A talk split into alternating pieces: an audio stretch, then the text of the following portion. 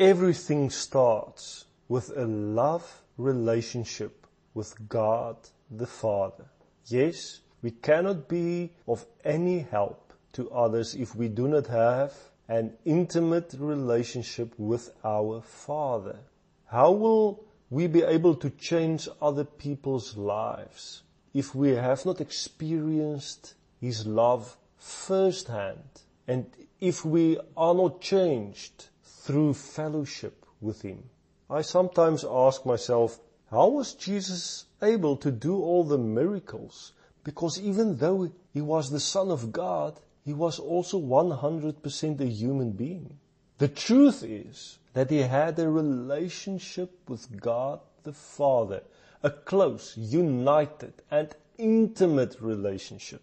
Jesus received His power through an intimate love relationship with God. We know that relationship is not a one-way street. I'm speaking about following Jesus where in that following of Him, relationship is of prime essential importance. Without that, one cannot follow Him. That is the way in which the good news is spread. The way in which life changes take place.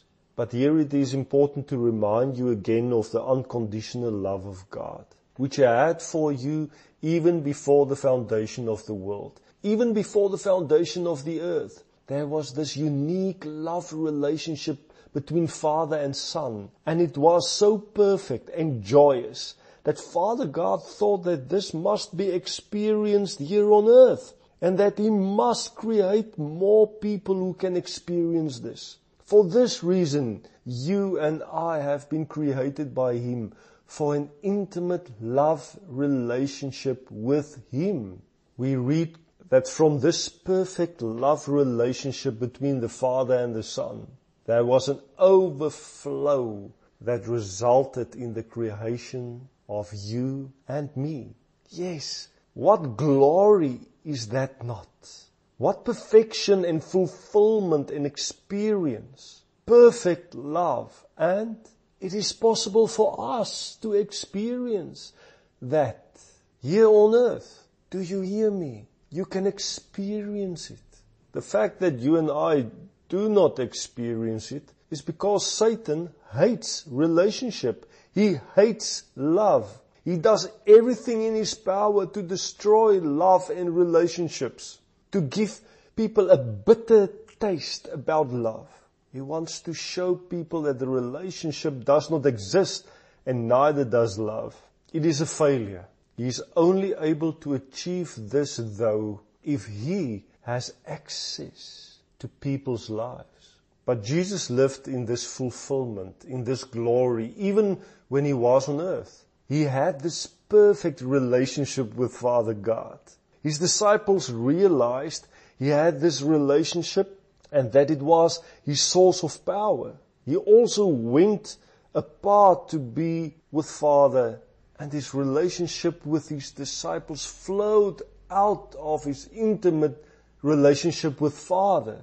Therefore, when we follow him, we know that relationship is the dynamic vehicle through which God works in this life. This is where Jesus received his power from from the intimate love relationship with Father God. Jesus had the ability to hear what Father said, to do what Father do, to move in the supernatural reality. And that becomes true of our lives as well. Every disciple's life, if we live in an intimate, dependent relationship with Father God and delight ourselves in His presence. In John 5 verse 17 to 21, we see that Jesus works in alliance with his Father.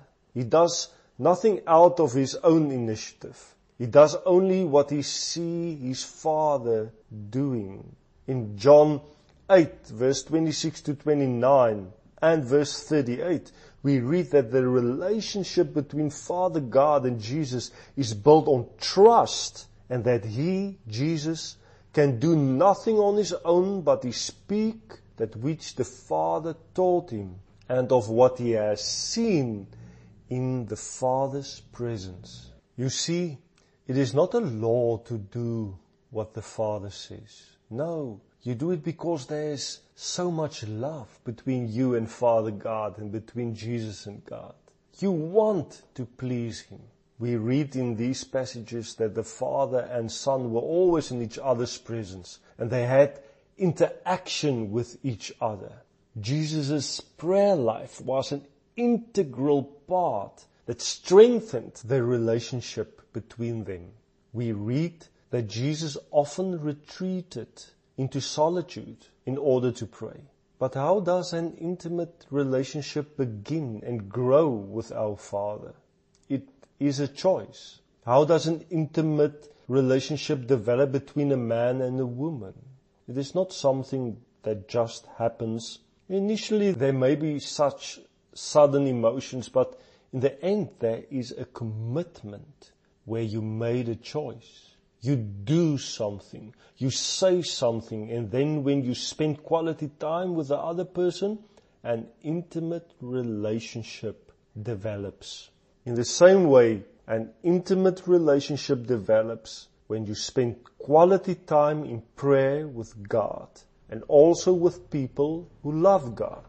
An intimate relationship between ourselves and God also develops through the work of the Holy Spirit because He creates and empowers within us the ability and desire to love Father God more deeply.